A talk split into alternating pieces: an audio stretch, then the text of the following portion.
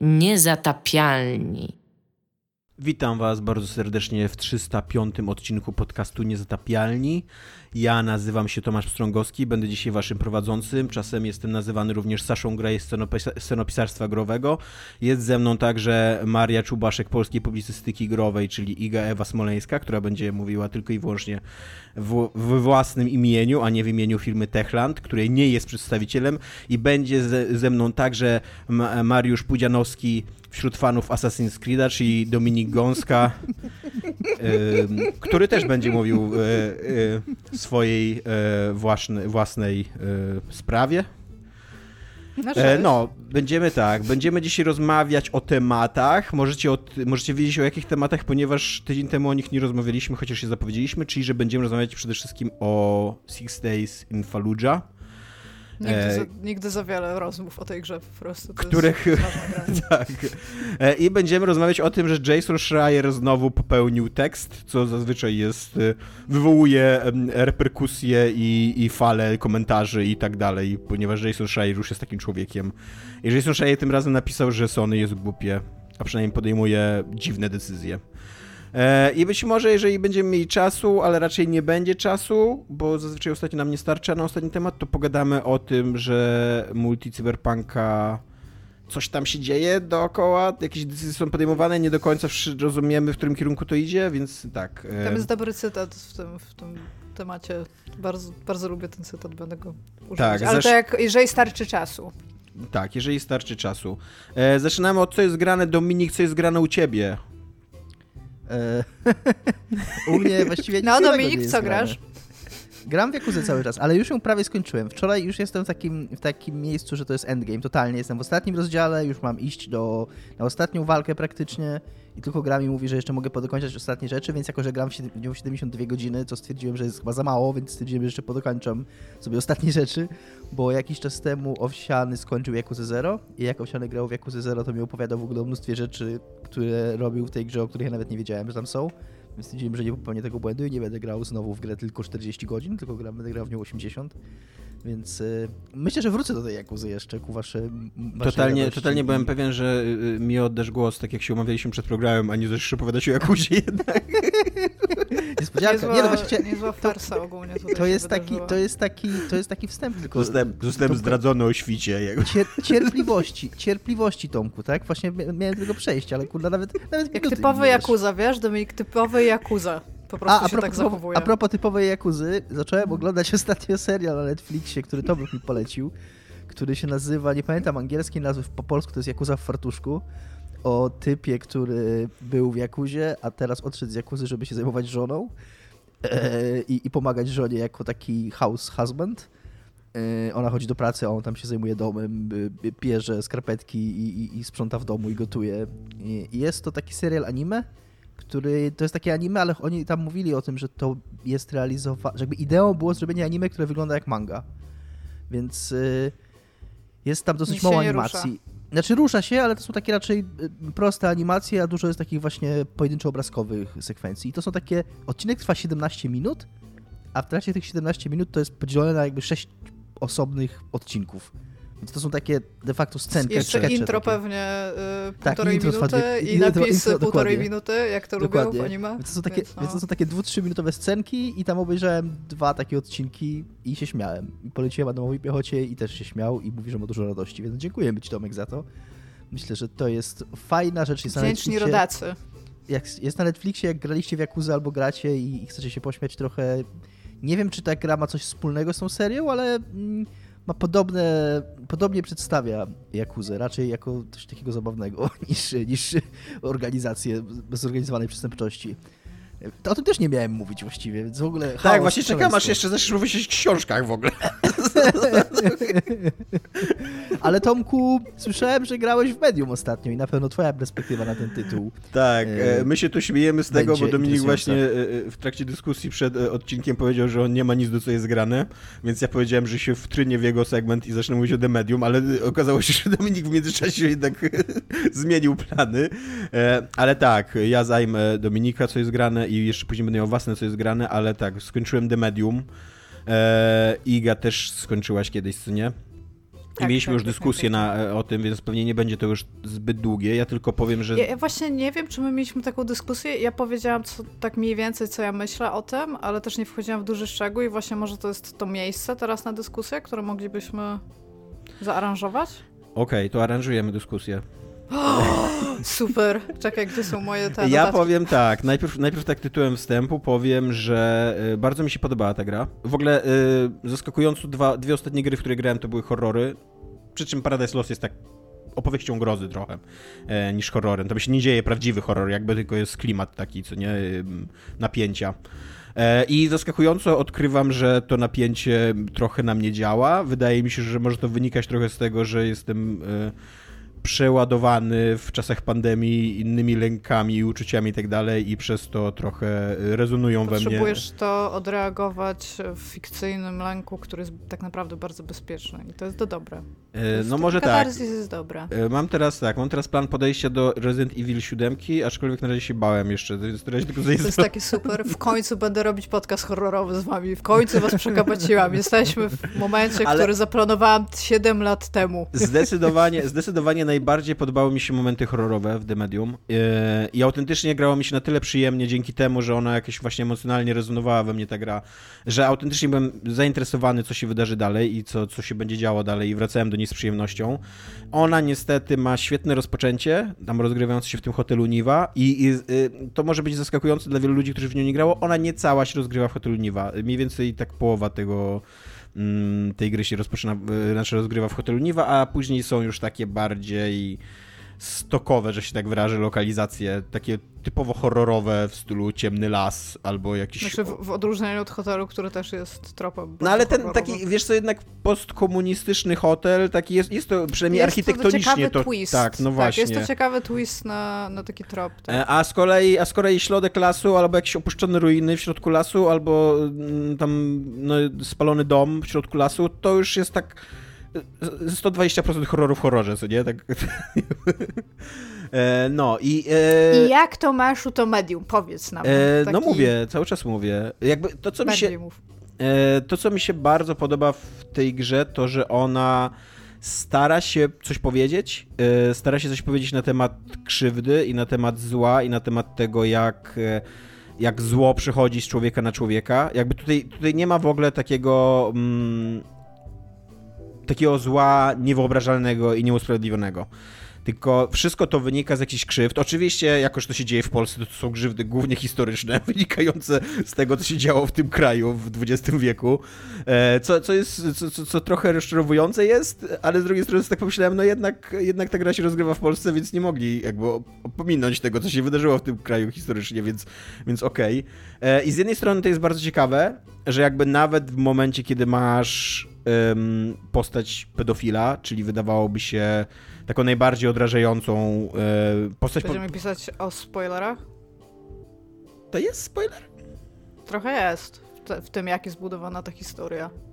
To znaczy dla każdej osoby, która kiedykolwiek analizowała. No dobra, możemy, możemy ja jakby, ja przepraszam, no, jakby jeżeli zaspoilerowałem. Jesteś, tak, przepraszam, jesteś, jeżeli zaspoilerowałem. Jak... Absolutnie się nie, nie, nie, przyszło mi do głowy, że to może być spoiler. Że... Ta, je, jeżeli sobie, bo to jest tak troszeczkę, jeżeli e, jakby w jakiś sposób e, nie, nie połączysz tych kropek już od razu, to to, w jaki sposób ty, ta postać jest zbudowana i co się okazuje, to jakby dopiero przy sam końcu się to tak okazuje, tego wątku, który też jest w ogóle wątkiem pobocznym. No właśnie, to przy okazji jest, jest wątek poboczny też, więc tak... A Bluebird ma taką tendencję do robienia tych wątków pobocznych dużo lepiej niż głównych wątków w ogóle. Tak, to więc prawda. To jest, to jest dużo ciekawszy więc, wątek Więc okej, okay, więc, więc napiszmy y, jakieś ostrzeżenie o delikatnym spoilerze, ale w każdym razie nawet, nawet taka postać, która wydawałaby się jest nie tylko w popkulturze, ale i w naszym życiu tak bardzo łatwa do mm, demonizowania i taka no to tutaj, tutaj dostaje jakieś usprawiedliwienie, jakieś drugie, drugie, drugie dno background, aż do tego stopnia, że ja się w pewnym momencie zastanawiałem, czy to nie jest trochę za bardzo wytłumaczenie i zniuansowanie takiej postaci, czy, to, czy, czy ta gra trochę nie za mocno idzie w kierunku tego, żebyś starał się zrozumieć jednak czyny bestialskie, co nie? E, to jest, to jest takie chodzenie po niebezpiecznej y, linii, moim zdaniem, trochę takiej granicy, ale jakby szanuję to, że w ogóle, że w ogóle ta gra jakby obudziła we mnie takie przemyślenia, co nie? To, to nie jest coś, co gry robią na co dzień. Mm. nie jest ona straszna, ale jest stresująca, ale ma absolutnie straszne E, pod takim względem zupełnie innym sekwencje skradankowe i sekwencje akcji. Jak w ogóle, jak ja, jak, jak ja narzekałem, tak jak Dominikowi i zapisałem na naszym czacie, narzekałem, że są tam sekwencje skradankowe i ucieczkowe, które były o, o, okropne, naprawdę pod względem gameplayowym one tak. są straszne. A później jeszcze się okazuje, że tam jest sekwencja, że są, są takie sekwencje akcji, walki i one są, to jest już absolutnie osiągnięciem jeszcze gorsze gameplayowo. Znaczy ogólnie ja przez bardzo, bardzo bardzo długi czas we wszystkich, jak, jak wiecie, nie lubię w ogóle sekwencji skradanych w grach, ale przez bardzo, bardzo długi czas Blueber w ogóle tym, co zrobił w Obserwerze, miał u mnie pierwsze miejsce w ogóle osób, które powinny być posądzone i powinno się im zakazać tworzenia sekwencji skradankowych. Potem odkryłam, że jest jedno gorsze w Call of Cthulhu The Video Game, i tam oni powinni sobie po prostu piątki przybić, to medium nie było dla mnie żadnym zaskoczeniem. Po prostu jak tylko zobaczyłam, że będzie sekwencja skradnkowa, to wiedziałam, że będzie okropna i totalnie sprostali moim oczekiwaniom. Była totalnie okropna. Autentycznie ta gra ma bardzo spoko gameplay na poziomie zagadek, e, na poziomie jakichś takich mechanik, właśnie tego dziwnego widzenia, układania jakichś wspomnień, e, chodzenia, czytania rzeczy. Jakby i absolutnie mi to wystarczało. Ja jakby, jakby te sekwencje ucieczkowe i skradnkowe były po prostu filmami, które ja bym sobie oglądał, to w ogóle by mi to nie przeszkadzało. Jakby i co więcej, moje, e, moje game overy wywoływane nie tym, że, że jakby słabo gram, tylko tym, że one są po prostu kiepsko grywalne te sekwencje, zwłaszcza skradankowe, bo już tam ucieczka to jest dosyć łatwa. Ale te skradankowe są takie, że tam absolutnie nie wiedziałem w pewnym momencie, dlaczego coś się dzieje, co nie? Tak, to on, one mi tylko psuły napięcie. przez ścianę tak. i tam, dobra, idę do ciebie i tak siedzisz, o, idzie do mnie, dobra, odkładasz pada, o, nie żyje. Tak, dokładnie. Tak, tak, no słabe, słabe są. Natomiast tak jak mówiłeś, y, bardzo duże wrażenie w ogóle robi, no Bluebird żyje artystycznie, jakby to, to jest gra, która wygląda bardzo ładnie i te architektoniczne szczegóły, rzeczy, które są wewnątrz tego hotelu, przede wszystkim, no, właśnie, no bo tak jak mówisz, potem te lasy i coś tam, to... Ale właśnie paradoksalnie, ja ci tylko przerwę tutaj na moment, że paradoksalnie ta gra o wiele lepiej wygląda w tym świecie rzeczywistym, niż w tym świecie tak, demonicznym. Tak, tak. Tak, ja w ogóle, ja, ja, to się bierze po części z faktu, że ja nie za bardzo lubię Beksińskiego, ale jak już bym chciała oglądać Beksińskiego, to ja chcę widzieć Iga, tą skalę, którą Beksiński prezentował oddaj swoją, na... Oddaj, oddaj, oddaj swoją legitymację White Basic. I broń historyka sztuki? Tak. No, przepraszam, wyłamuję się czasami z tego. Nie ma dla ciebie przyszłości w tym mieście już. To Beksiński e, robi tak, jednak w, w, tych jego e, i grafikach, i malarstwie przede wszystkim chodzi w jakiś sposób o skalę, tak? Tam, jeżeli on wyraża samotność, no to te postaci e, albo te jakby twory, one ewidentnie są przytłoczone przez coś i tego się nie da oddać w takich kadrach, jaki ma medium, po prostu. I nagle ty widzisz niby ten świat z tymi elementami, które są wyciągnięte z jego sztuki, co jakby samo z siebie jest ciekawe i uważam, że tam okej, okay, jakby ten, ale jedyne rzeczy, które tam działają, to są rzeczy, które widzisz na przykład za oknem. Że, to, że coś jest wielkiego na zewnątrz, że tam jest jakaś wielka pustka z jakimiś tworami, co z kolei uniemożliwia ci obserwowanie tego kamera, która jest statyczna, jak tak. w tych starych horrorach czołgowych, że tak powiem. No i, I e, Blueber niestety mógłby się, trochę Blueber niestety mógłby się trochę doedukować w kategorii kadrowania niefilmowego, bo filmowo to są ładne kadry, ale growego kadrowania, bo bardzo często ta kamera jest ustawiona tak, żeby ci utrudnić granie po prostu. Ale to też jest jedna z cech horroru, to jest tak zwana cecha tak? labiryntu wizualnego, która w momencie, kiedy przeskakuje ci jedna wizja na drugą, to masz mieć problem z poruszaniem się postacią. To też y, ma, to też wpływa na napięcie. To nie jest super dobrze użyte w... No właśnie, z tym, z tym ja nie miałem problemu. Miałem problem z kilkoma takimi kadrami, które poprzez ustawienie kamery ukrywały to, że możesz pójść y, w lokację obok, jakby, bo drzwi Czy były tak idealnie na skraju gdzie widzenia. się przesuwa taka ten, yy, tak. taka jakby tak, dokładnie kula nad tobą? Tak, jest to bardzo źle zrobiona sekwencja. Tak. Ale ale ogólnie rzecz biorąc, jeżeli chodzi o te właśnie o te wystrój architektoniczny tego hotelu, no to to jest zrobione mega. Widać, że tam ktoś poświęcił bardzo, bardzo dużo takiego researchu, żeby nie dość, że to dobrze wykonać, to to jeszcze postarzyć w taki, w taki sposób właśnie opuszczone. I no mi, mi jakby właśnie te, te momenty, kiedy miałam być w tym świecie alternatywnym, które pewnie powinny być dla mnie ciekawsze, one były dla mnie zupełnie nieciekawe w porównaniu do tego, żebym mogła sobie chodzić po tym hotelu i patrzeć na te wszystkie pokoje. Nawet jak były puste, to były fajne po prostu. A zwłaszcza, jak, że, powiedz zwłaszcza, że ten świat alternatywny trochę, też jest trochę taka dziwna decyzja, której, znaczy ja rozum, rozumiem ją pod względem gameplayowym, ale nie do końca ona się, moim zdaniem, jest spójna z tymi dwoma światami, bo jest taka decyzja, że ty na początku, jako, jako ta postać w grze, jesteś zagrożony tylko w tym świecie horrorowym, jakby tylko tam się pojawiają autentyczne niebezpieczeństwa do siebie. Ale dosyć szybko te, to niebezpieczeństwo przekracza tą granicę światów razem z tobą i, i, i też zaczynasz być zagrożony w tym prawdziwym świecie, więc jakby, no takie to jest bardzo, bardzo dziwna decyzja dla mnie to była, taka, no mówię, niespójność trochę, co nie? No bo wtedy w takim razie po co to jest ten podział, co nie? Skoro, skoro horror No bo czasami drzwi światach. są zamknięte Tak. w jednym i musisz pójść przez drugi, czego nie To rozumiesz. jest, to jest w ogóle, to jest w ogóle bardzo, bardzo uważam, że miłe ze strony świata demonicznego, że on postanowił być cały w tych momentach, kiedy, kiedy ten hotel jest zrujnowany, a z kolei kiedy w tych momentach, kiedy hotel jest y, cały, przetrwał, to świat demoniczny tam się ro, rozpadł. I że, że te wszystkie okna są pootwierane tak y, przez, przez demony zostały Ale to też jest taka w ogóle miejscach. aspekt e, horrorów, do którego ja się bardzo często odnoszę w życiu prywatnym, czyli znaczy takim realnym, czyli na przykład wiesz, stoi krzesło przed drzwiami, no nie da się przejść, nie, nie ma, muszę, muszę znaleźć inną drogę po prostu, nie, tam leży gałąź na drodze, no co zrobić, no trzeba zawrócić.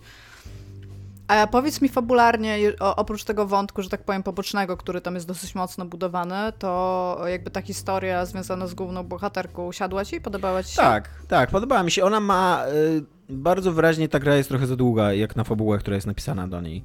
Jakby ona y, bardzo siada napięcie drugiej, trzeciej tej gry.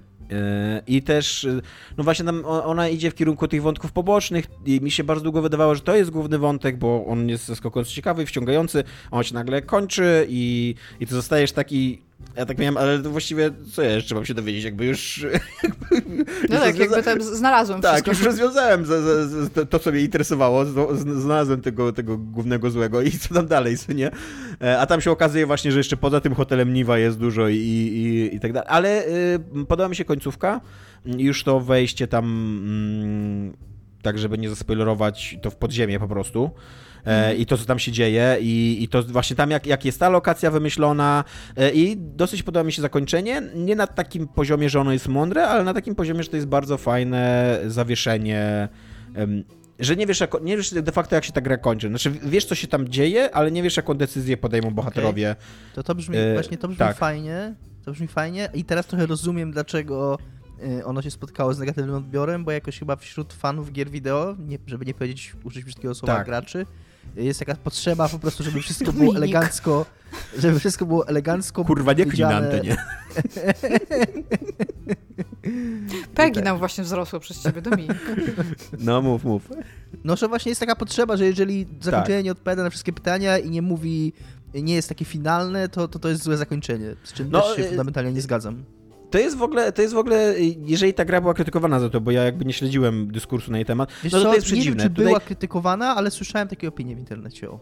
e, tutaj, tutaj jakby, o ile grasz uważnie, to totalnie rozumiesz intrygę i totalnie ona jest jakby dobrze prowadzona, tak przejrzyście, wiesz, co tam się dzieje na końcu, tylko na końcu bohaterowie stają przed bardzo trudnym wyborem.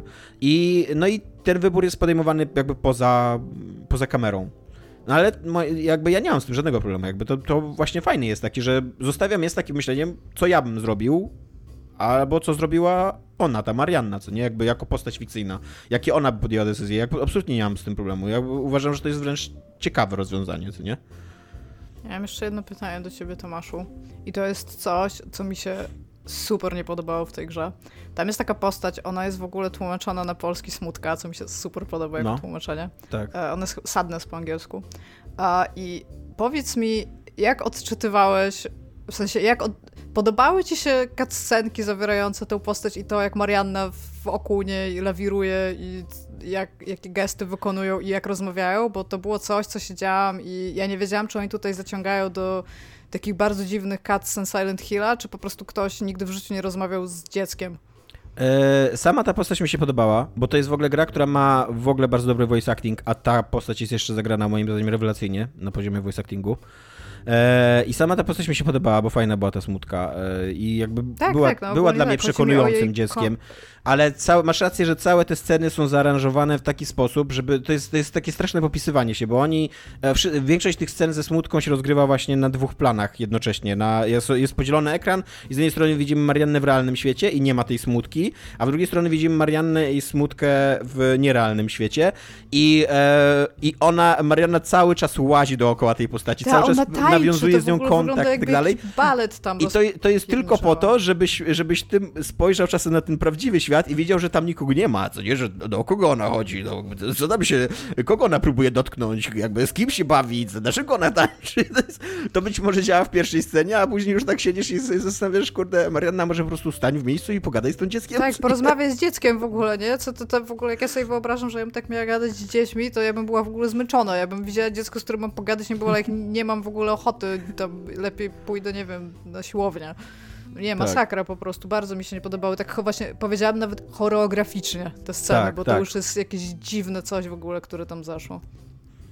Tak, więc ja Medium ogólnie uważam na plus i chciałabym więcej takich gier. Tak, to to jest jest, gra- to jest na pewno dobra gra, jakby. I jeszcze przy okazji właśnie to, że ona korzysta tak bardzo mocno z tego gameplayu, tych takich starych, starych horrorów i to, że ma te takie statyczne ten, ja uważam, że jakby ten rynek, jak, jakby ja rozumiem, że horror umarł już 500 razy, ale my potrzebujemy więcej takich gier, takich dopracowanych gier, troszeczkę krótszych tak naprawdę, nawet single location, które właśnie są takie i ja bym była w ogóle zachwycona. Bardzo fajnie, odświeżająco mi porobiło w ogóle medium. I... Chciałbym też tu przy okazji y, pochwalić jeszcze wejściówkę do tej gry, która jest takim filmowym y, montażem scen z Krakowa, z taką creepy muzyką w tle i te sceny też są takie, mm, takie dwuznaczne, takie jakby na granicy oniryczności i z jednej strony bardzo fajnie przedstawiają klimat PRL-u i, i, i lata tam 50., 60., 70. w Polsce, a z drugiej strony widzisz, że tam cały czas coś jest nie tak z nimi, że one nie, no jakieś takie są dziwne, tajemnicze i rewelacyjna jest ta wejściówka, tylko ona absolutnie nie jest wejściówką do tej gry, bo ta gra w ogóle się nie rozgrywa w Krakowie. Jakby tam masz 10 pierwszych minut jest w Krakowie, a później Ja już nigdy do tego Krakowa nie wracamy. Ale też e, na początku, co mi się bardzo podoba, są imiona e, deweloperów, Tak. wykonane tak, jakby byli głównymi aktorami w filmie i to jest super, to mi się mega podobało. W ogóle mam wrażenie, że Bloober bardzo docenia tych swoich ziomeczków, co tam, co pracują, jeżeli chodzi o przedstawienie ich artyzmu w tych grach. Dominik, chciałeś Co ci się nie podoba, Tak, Dominik? Słucham. Nie że, mi się, nie, że mi się nie podoba, ale y, Tomek wspomniał o, o, tym, o tym intrze i o tym nawiązaniu do Krakowa i przy okazji nawiązaniu do, P- nawiązania do PRL-u, które się pojawiają. I, I ja mam trochę taką obawę, czy to nie jest trochę cyniczne, z, z jakby branie tego, tego na warsztat akurat, czy to nie jest związane jakoś tam z tematem funduszy unijnych, czy funduszy na promowanie kultury. Y, wiesz, no taki, taki trochę niesmak to we mnie budzi właśnie. Znaczy, że- y, Nie, ja, Dominik, nie wiem, czy zauważyłeś, jak wyglądały trailery do tego, które pokazywały fragmenty Krakowa, których nawet w ogóle nie widzisz w grze. Czemu tak myślisz? ja bym, y, ja bym się nie doszukiwał tu cynizmu, bo jednak fabularnie ta gra jest bardzo powiązana z historią Polski. Jakby i y, wiele motywacji postaci i właśnie wiele tych traum wynika z takich czysto historycznych y, krzywd, jakie się wydarzyły na ziemiach polskich, co nie? I właśnie ten cały klimat PRL-u w tym hotelu Niwie, on, one są ważne, co nie? E, tylko, m, no to nie jest krakowska gra w ogóle jakby, co nie? To jest, to jest gra dziejąca się gdzieś na prowincji, a nie, a nie w Krakowie. Tylko, a i to, co Dominik, ty, ty mówiłeś z kolei, bo ty grałeś trochę, ale wtedy jak Iga mówiła, to, to, że podejście do języka polskiego w tej grze jest mega konfundujące, jakby, że niektóre ja też napisy... mówiłam o tym, że napisy Tak, no tam to na się- przykład to się klucze bardzo- y, po angielsku zamiast po To się rosyjsku. bardzo rzuca w w oczy. ogóle. To się bardzo rzuca w oczy, że, że częściowo teksty są po polsku, częściowo po angielsku, postacie mówią po angielsku, ale przynajmniej mówią po angielsku cały czas.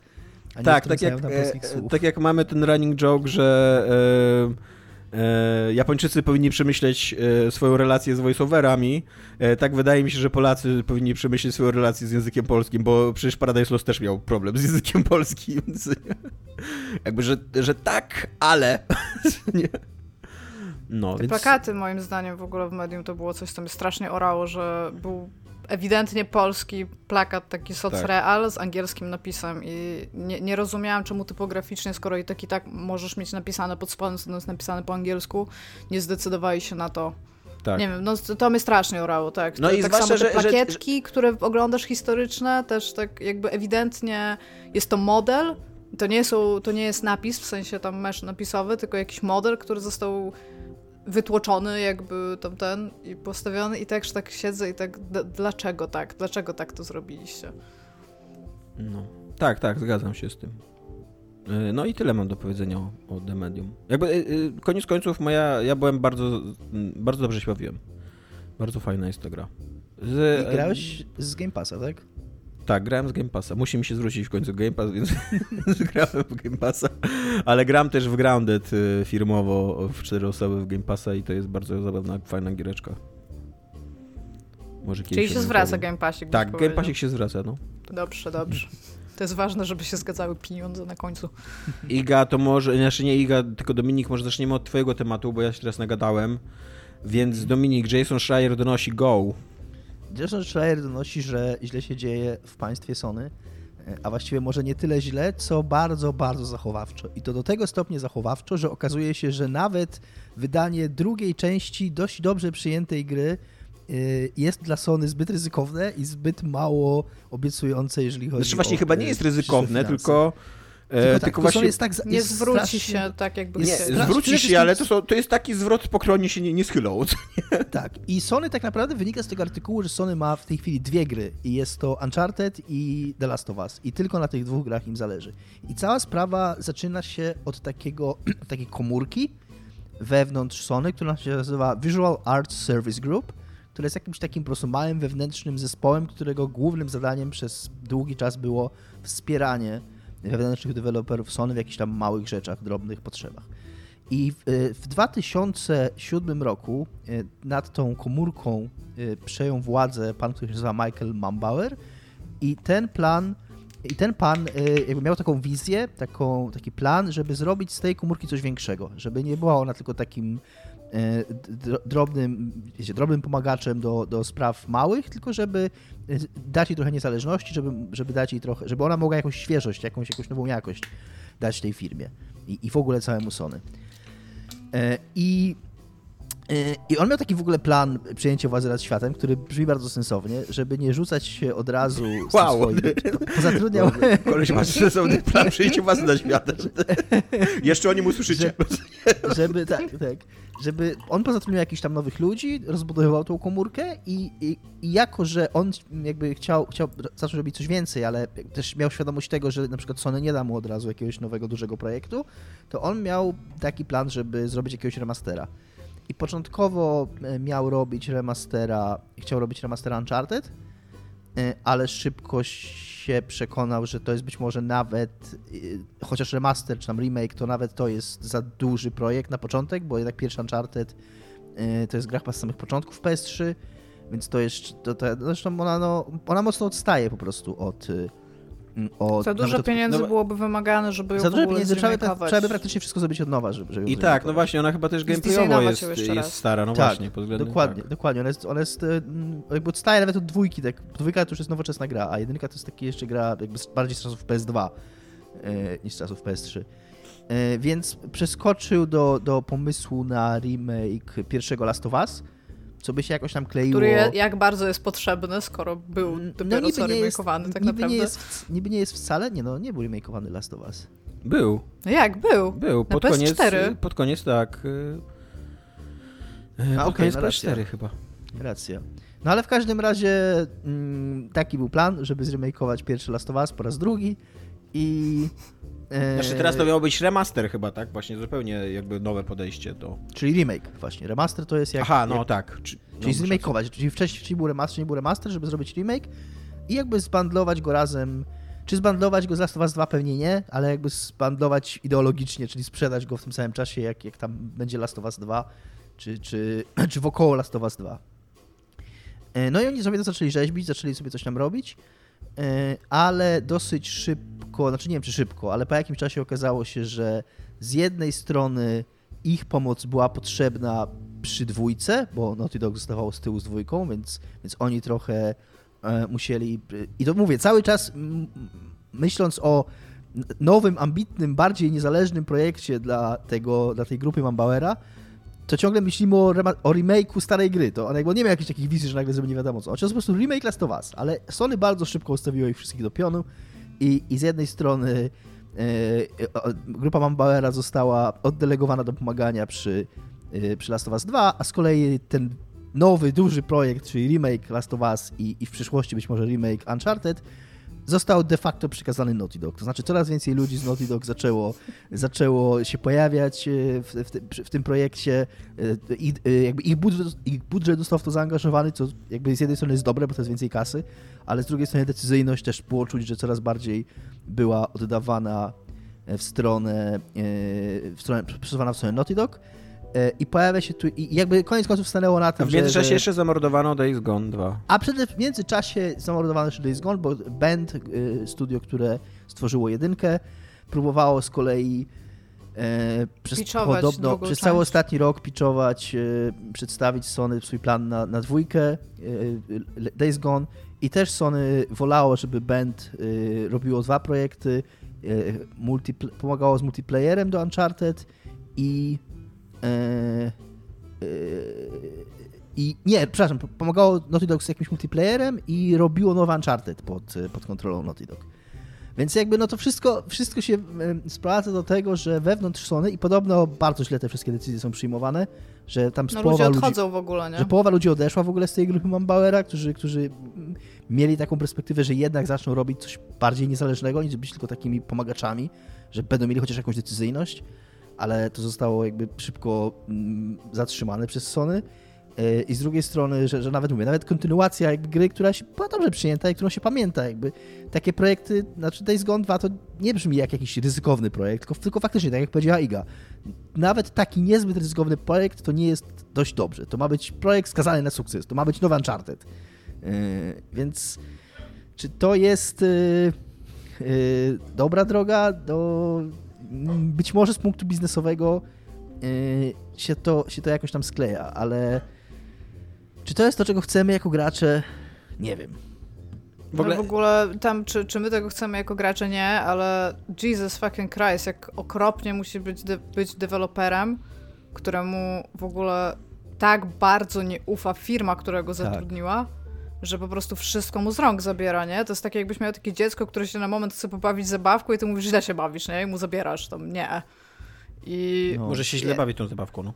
No może się źle bawi, no może jak nie umiesz bawić, to nie powinien się bawić tą zabawką, no ale fakt faktem zupełnie rozumiem ludzi, którzy przyszli tam nie dlatego, żeby siedzieć e, na jakimś takim ciepłym, powiedzmy, siedzonku e, pod Sony, i, i tam robić, od, wiecie, odczytywać maile i tam rzeźbić jakieś tam nie wiem, 3D asety na przykład, tylko chcieliby robić własną grę i tam najgorsze w ogóle w tym wszystkim dla mnie, jako dla osoby, która mogłaby być w takiej sytuacji, powiedzmy, jest fakt, że powiedzieli ci najpierw, dobra, rób coś, po czym powiedzieli, ja, ty, ty, ty, teraz damy tak. to tam większym okazji, graczom, nie? Tak, a przy okazji on mówi, on chciał on chciał jakby w dalszej perspektywie ten Mambauer, żeby jego zespół robił coś nowego, jakby własną grę nową, ale on chciał zacząć od czegoś bardzo sensownego, od remake'u starej gry i nawet to było za dużo. Nawet to Sony powiedział, nie, nie, niech Naughty Dog to robi, a wy, a wy tam pomagajcie z czymś innym, nie? No to takie... To, ale przy, ja, ja bym chciał powiedzieć, że przy okazji ten pomysł na, na remake y, The Last of Us 1 jest przedziwny moim zdaniem.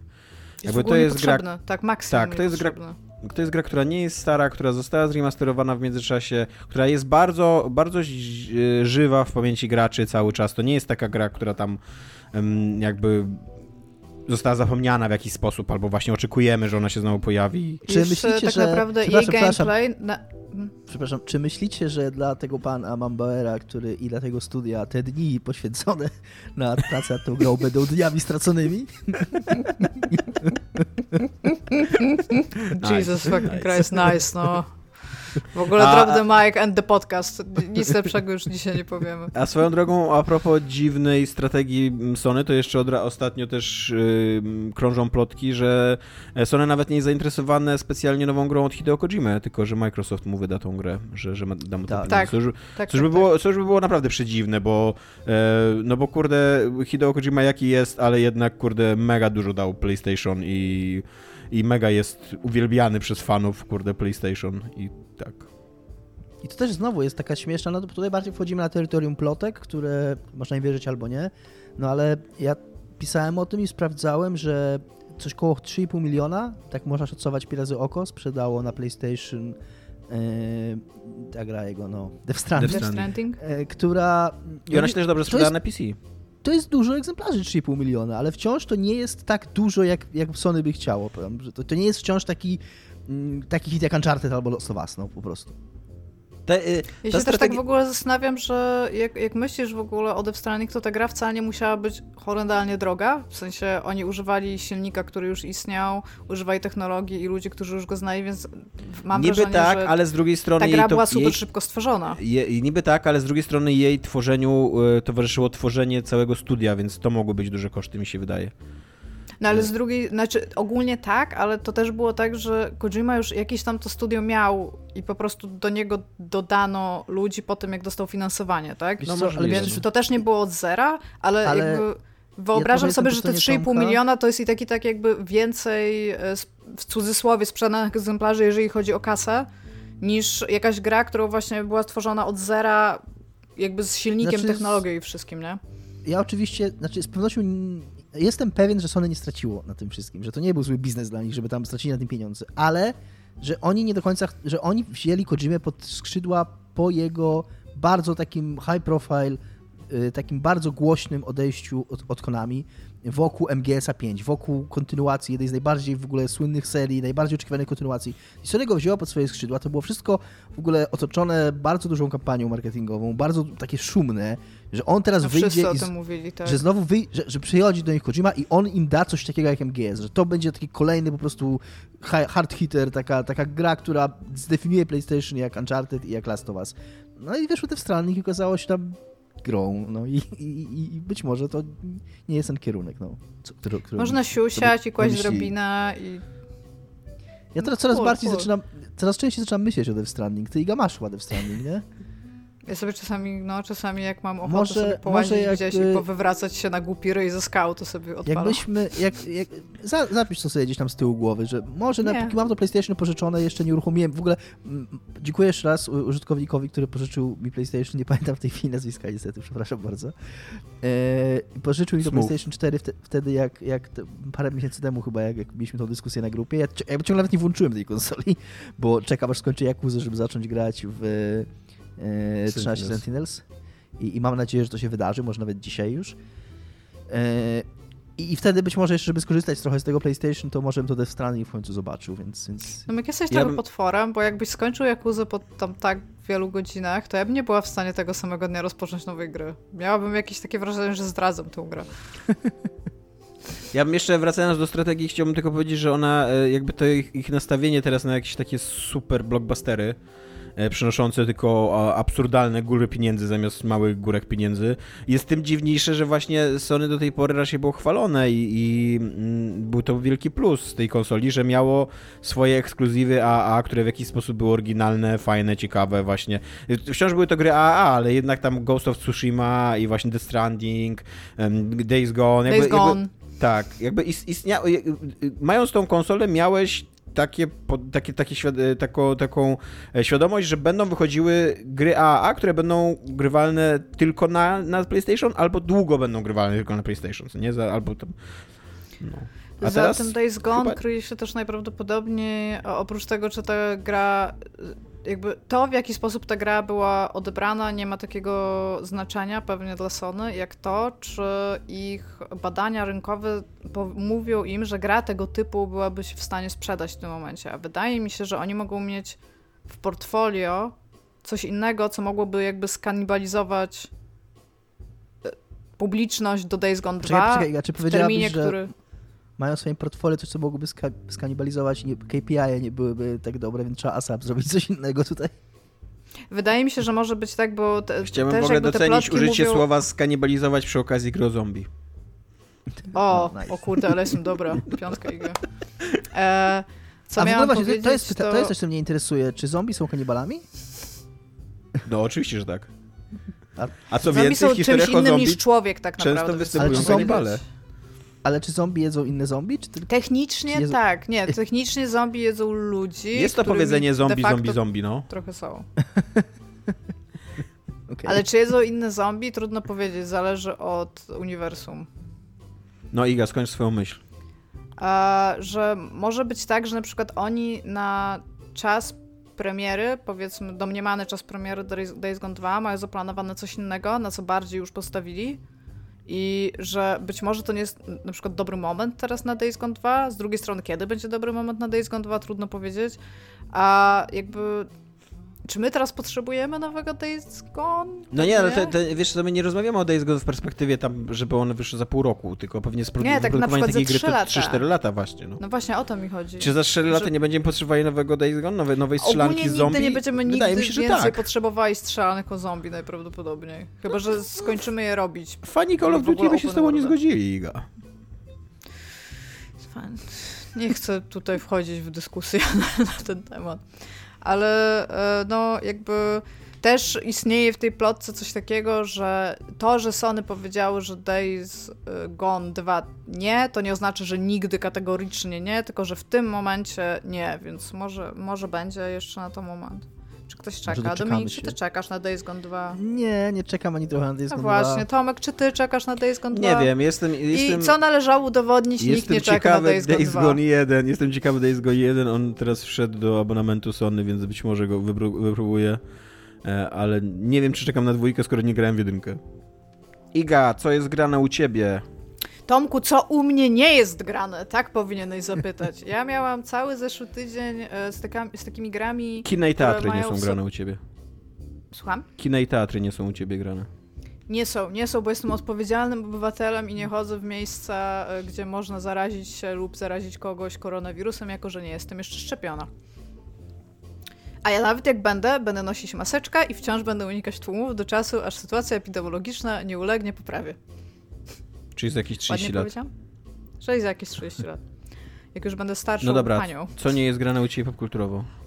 A co nie jest grane? Nie byłam na przykład w operze. No nie no, przed chwilą ja się zapytam, co jest grane, a ty powinien, mówiłaś, że powinienem zapytać, co nie jest grane, więc pytam teraz, co nie jest no grane. Dobra, no powiem ci, co, co jest grane, dobra? Ci powiem. Na pewno nie jest grane Days Gone. Jaki chaos w ogóle. Ile ty robisz ten podcast? Dwa tygodnie? No może. Właśnie, Naszą, Naszym znakiem rozpoznawczym zawsze był y, porządek i dyscyplina tak. dyskusji. nie, nie coś tam. Porządek musi być. Dobra, mówisz. E, więc du dużo czasu w zeszłym tygodniu spędziłam grając e, w takie gry, które mają elementy planszówek, bo e, zostaliśmy zaproszeni, a ja reprezentowałam e, nas, w sensie niezatapialnych, w podcaście dla programy TV. Jest to. E, I w związku z tym grałam między innymi w State Spire, o którym nie będziemy mówić, bo już dużo było powiedziane i to jest dobra gra, pograjcie, a Monster Train, o którym mówiliśmy, ale odkryłam taką giereczkę, mam ją na Switcha i była w fajnej promocji, więc w ogóle zapłaciłam za nią nic i się nazywa Dicey Dungeon. Nie wiem, czy oni słyszeliście, bo ja o niej w ogóle nigdy nie słyszałam, nie. a to był podobny jakiś mesjasz y, na scenie roguelike'ów dwa lata temu, bo w 2019 roku wyszła. Też nie słyszałem. I to jest, ta giereczka jest w ogóle śliczna. Jeżeli y, chcecie sobie zobaczyć taką naprawdę fajnie animowaną, cute giereczkę, to bardzo ją polecam. A przy okazji, y, Dominik, ona może być bardzo dla ciebie, bo tam się dużo matematyki robi.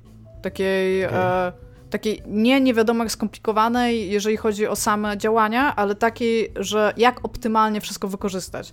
Bo to jest tak na, to jest gra o kościach, w których jesteś kościami, więc totalnie jest podwójnie o, kostkach do gry, takich K6 standardowych, gdzie y, każda kostka jest inną klasą. Czyli na przykład masz wojownika, tam masz y, złodzieja, czarodzieja, no tam wiadomo, takie podstawowe klasy. Natomiast e, kiedy walczysz, to tak naprawdę to jest taki trochę zakamuflowany deck builder. Bo co prawda okay. jakby rzucasz kośćmi co, co turę, ale twoje ataki potrzebują konkretnych wartości tych kości, żeby ich użyć. Czyli na przykład niektóre ataki będą tylko za trzy oczka, niektóre do sześciu na przykład, nie? I w zależności od tego, jakie masz skille, czyli na przykład, nie możesz przewrócić kostkę na drugą stronę, albo możesz dodać dwie kości, albo jakąś kość rozdzielić na dwa. I w zależności od tego jesteś w stanie atakować swoich przeciwników, którzy mają system walki jakby w ten sam sposób. Mają tam trzy ataki i też rzucają na przykład czterema kośćmi i tylko niektórymi kośćmi mogą nakarmić te ataki. Więc tak naprawdę te kości to jest taka losowana energia. To, co masz zwykle w karciankach, w deckbuilderach, którą możesz użyć w odpowiednich momentach.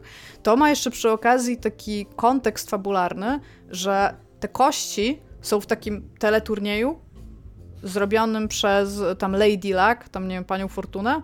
No i e, jakby twoim celem jest wyjście z dungeona, tam pokonanie wszystkich bossów i zakręcenie kołem, tak żeby wygrać nagrodę. I tutaj jest taki spoiler, który nie jest w ogóle spoilerem. Przez pierwsze pięć razy, kiedy grasz i masz różne poziomy trudności, to zawsze ci wypada czaszka i zostajesz w dungeonie i wszyscy są, o, ojejku, nie wygrałeś nagrody, o, o nie, nie. I i ta gra jest naprawdę nie dość, że jest fan, bo ona ma też taki vibe Adventure Time. W sensie wszystko to jest takie troszeczkę e, no takie humorystyczne jest podejście do takich y, klasycznych tropów RPGów jakby, to przy okazji, no mówię, przez to, że ono jest graficznie w takiej konwencji ilustrowanych książek dziecięcych albo Powerpuff Girls, taka prosta w ogóle y, kolorystyka, proste takie plamy barwne, ale zaciągająca do takich e, jakby starych kreskówek, o może tak, takich naprawdę, naprawdę starych, to, to, w to się gra fenomenalnie dobrze. A właśnie przez to, że jest duża doza losowości, ale ta losowość może być przez ciebie wykorzystana strategicznie, bardzo wciąga. Taki naprawdę każdy pojedynczy run to jest o, jeszcze jeden, jeszcze jeden i to mi się super okay. spodobało. Ona jest też na Steamie, jestem prawie pewna, że może być na, na, dużych konsolach w cudzysłowie oprócz Switcha. Natomiast no, ja chciałam na Switchu, żeby sobie grać w handheldzie i to jest jedna z niewielu gier, którą po prostu chciałam odpalić na telewizorze tylko i wyłącznie po to, bo jest naprawdę bardzo ładna. Chciałam patrzeć na te animacje i śmieszne kosteczki. Więc e, okay. gra, grałam w to i chciałam jeszcze powiedzieć o takiej świeżynce. W Game Passie wyszła. Jest też na Steamie. E, nazywa się Rain on Your Parade. Nie wiem, czy słyszeliście o niej. Nie. Słyszałem, ja jest... widziałem właśnie y, jakieś obrazki, widziałem zapowiedź y, jakoś tam i to mi trochę się kojarzyło, że to może być coś takiego podobnego do Donut County? Donut County, jest... y, Untitled Goose Game, Katamari Damacy. To są troszeczkę te wszystkie gry tego typu, czyli a Rain on Your Parade to jest gra, gdzie jesteś chmurką, taką kartonową chmurką zawieszoną centralnie na dwóch y, takich linkach, które widać. I twoim celem i marzeniem jako tej chmurki jest to, żeby padać na ludzi i robić chaos. I e, ona ma takich. E, ona, ona popier. E, ją w ogóle stworzył Polak. Z, jakby multikulti jest obsada, natomiast głównym designerem tej gry jest Polak.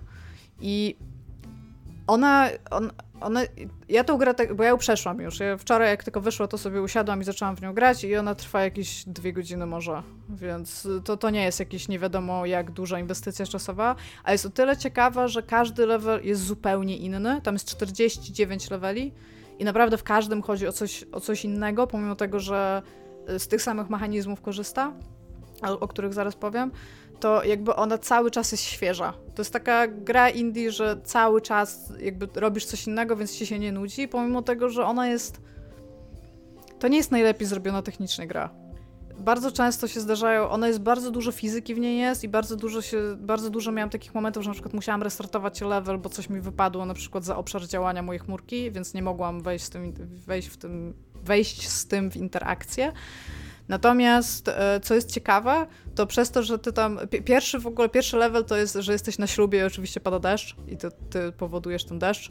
No i wszyscy, jest wielki chaos, bo za każdym razem, kiedy ktoś jest w ogóle mokry, to reaguje w tej grze, jak ludzie w plagach Wrocławia, jak zobaczyli konia, po prostu jak... wysiadają z samochodu nie, nie, nie, nie, nie, nie, to jest, to jest po prostu, twórcy się bardzo silnie in, ten, inspirują klasycznym teledyskiem Guns N' Roses November Rain, gdzie jak spada deszcz na weselu, to nie wiem, czy pamiętacie, wybucha taka panika, że koleś skakuje w tort w ogóle, ucieka No, to mniej, mniej, więcej tak się zachowują ci ludzie, być może jest to tam silna analogia, ale ta, ta gra jakby mechanicznie polega na tym, że poruszasz się w taki, jakby w trójwymiarowym levelu, ale on jest totalnie jakby 2D, jeżeli chodzi o to, gdzie ty możesz tam tą chmurką pójść.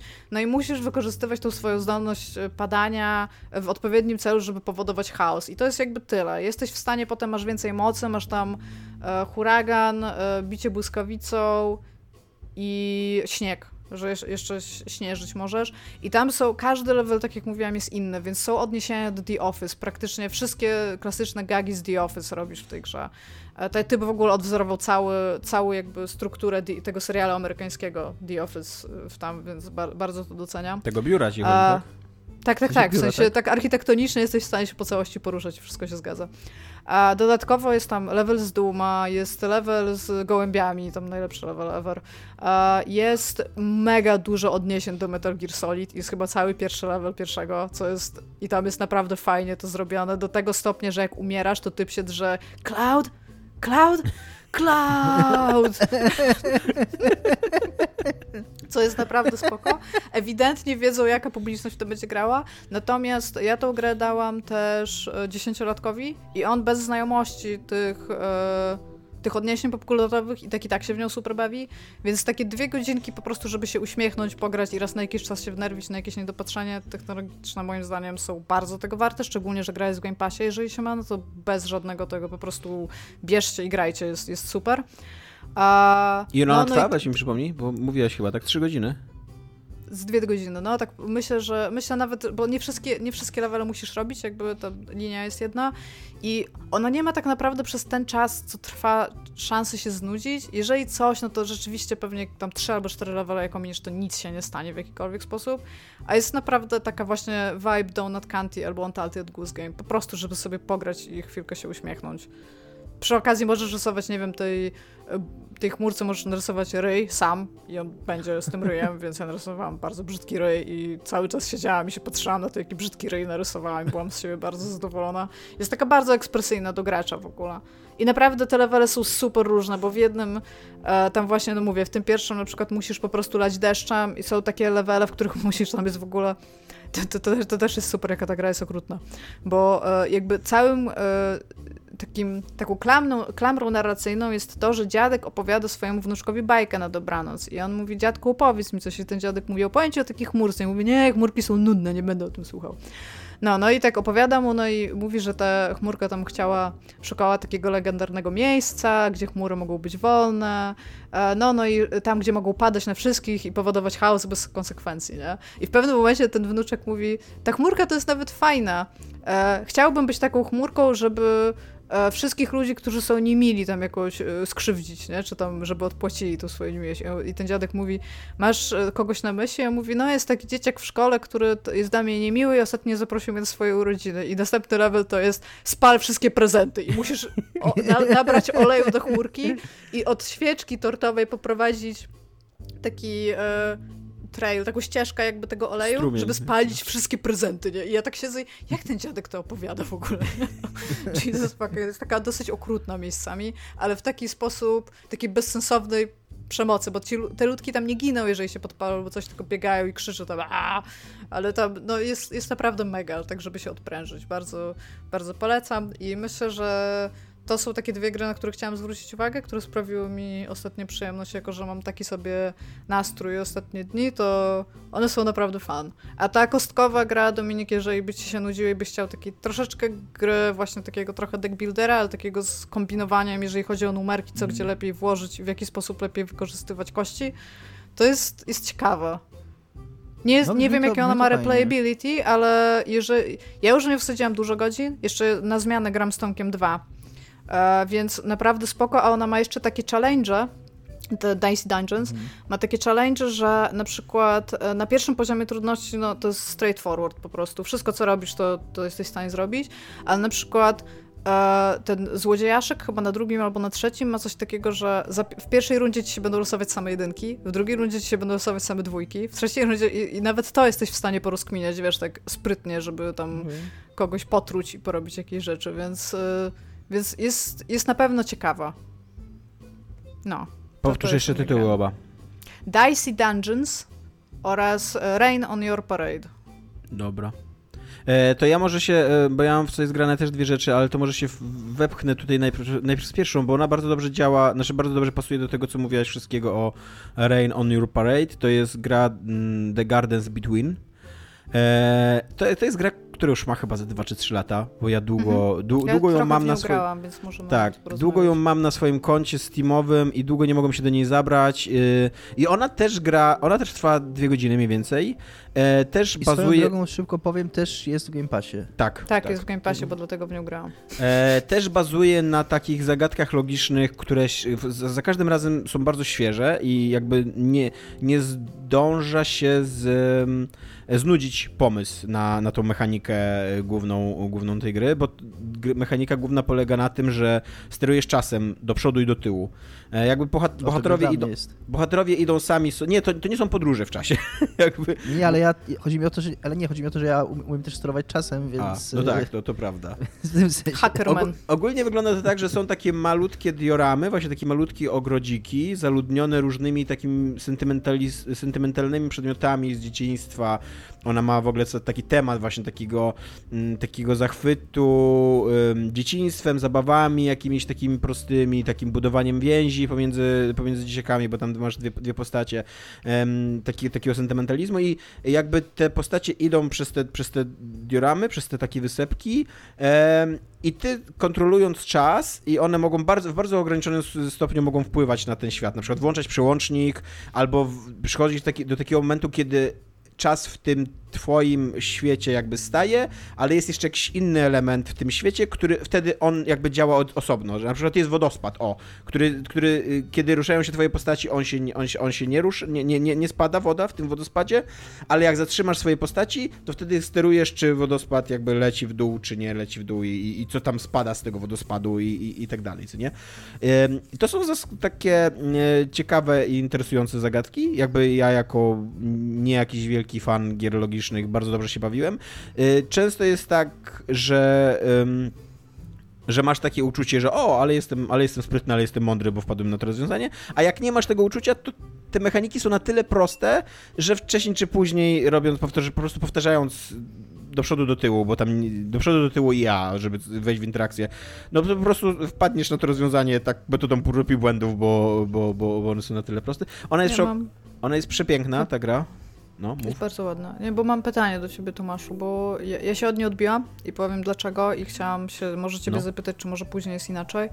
Przy, przez pierwsze tam powiedzmy trzy albo cztery ogrody te zagadki są dosyć proste, bo one się robią bardziej skomplikowane, ale ja się odbiłam dlatego, że widziałam od razu jakieś rozwiązanie na przykład czegoś i bardzo długo musiałam je robić. Tak, ona ma w sensie taki... nie miałam z tego fanu i dlatego stwierdziłam, nie chcę już tego ona ma jakiś, nie będę... Ona ma taki problem, ponieważ e, e, pomimo, że fajnie się bawi czasem i fajnie się właśnie bawi takim iść do przodu, iść do tyłu, to jej twórcy nie odkryli e, fast forward mhm. tej, tej możliwości, żeby przyspieszyć ten czas, bo często tak jest, jakby te, te wszystkie te twoje postaci obie, one muszą przejść całą ścieżkę E, często, żeby rozwiązać tą zagadkę. I pomimo, że ty już wiesz, jaka zaga- jak tą zagadkę rozwiązywać, a wcześniej już ten cały level sobie poprzewijałeś w tej i we w tej i wiesz, co tam się wydarzy, e, i jak już masz na końcu ustawione te wszystkie ścieżki tak, że one po prostu dojdą do końca, to i tak musisz jakby obserwować, jak one idą, a jak przyspieszasz ten czas, to on przyspiesza trochę tylko. Nie, nie jest tak, że jakoś no, bardzo przyspiesza.